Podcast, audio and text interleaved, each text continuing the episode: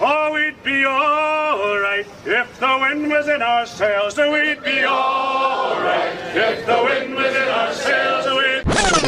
Oh, thank you. Dlaczego alfabetem Morsa? Powodów jest kilka. Yy, Na pewno nie chodzi tutaj o to, by mówienie o kościele było jakimś kodem niezrozumiałym dla innych, a wręcz przeciwnie. Mm, Pewnie każdy z Was y, słyszał taki charakterystyczny dźwięk SOS nadawany właśnie alfabetem Morsa.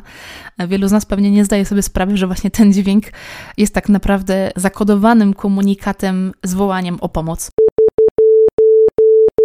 I dlatego tak nazwałam ten podcast alfabetem Morsa, ponieważ to jest właśnie takie wołanie o pomoc, wołanie o usłyszenie, mm, wołanie o zmianę, by właśnie statek zwany kościołem nigdy nie zatonął i nawet na wzburzonym morzu i nawet podczas burzy utrzymał ster i dopłynął do celu swojej podróży.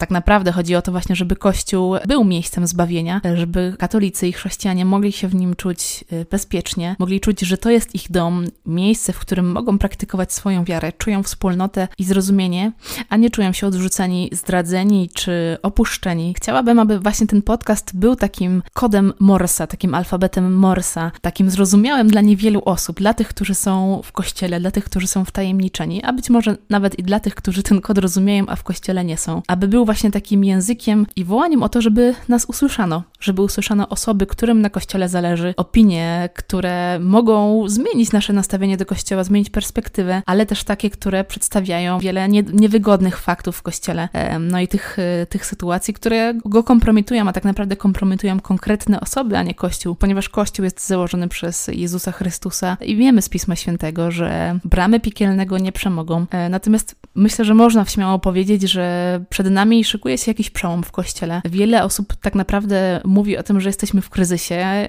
y, kościoła instytucjonalnego. Jesteśmy świadkami wielu smutnych wydarzeń, które dotyczą kościoła. Ostatnie można wymienić na palcach jednej ręki i wciąż to się wydarza. Wciąż przychodzą nowe fakty, nowe wypowiedzi hierarchów, za które jest mi po prostu wstyd. Chciałabym właśnie, żeby ten podcast był takim miejscem, y, gdzie można się usłyszeć, można y, swobodnie wypowiadać swoje opinie na temat kościoła, właśnie z perspektywy osoby wierzącej, która nie ma zamiaru podminować kościoła, czy go zniszczyć, czy złą opinię mu wystawić, tylko opinię, która jest prawdziwa. Żadna zła opinia nie zniszczy kościoła, e, skoro jego fundamentem jest sam Jezus Chrystus. E, Chciałabym, aby słuchacze, osoby wierzące i nie tylko, mogły poprzez ten podcast poczuć się dobrze w kościele, poczuć się wspólnotą, poczuć się kimś zrozumianym. E, I nie ma to znaczenia, że jestem osobą świecką, czy nie jestem siostrą zakonną, czy księdzem. To nie ma znaczenia. Kościołem jesteśmy wszyscy. Chciałabym właśnie, żeby ten podcast był takim miejscem zrozumienia, e, wsłuchania się w opinię, usłyszenia prawdy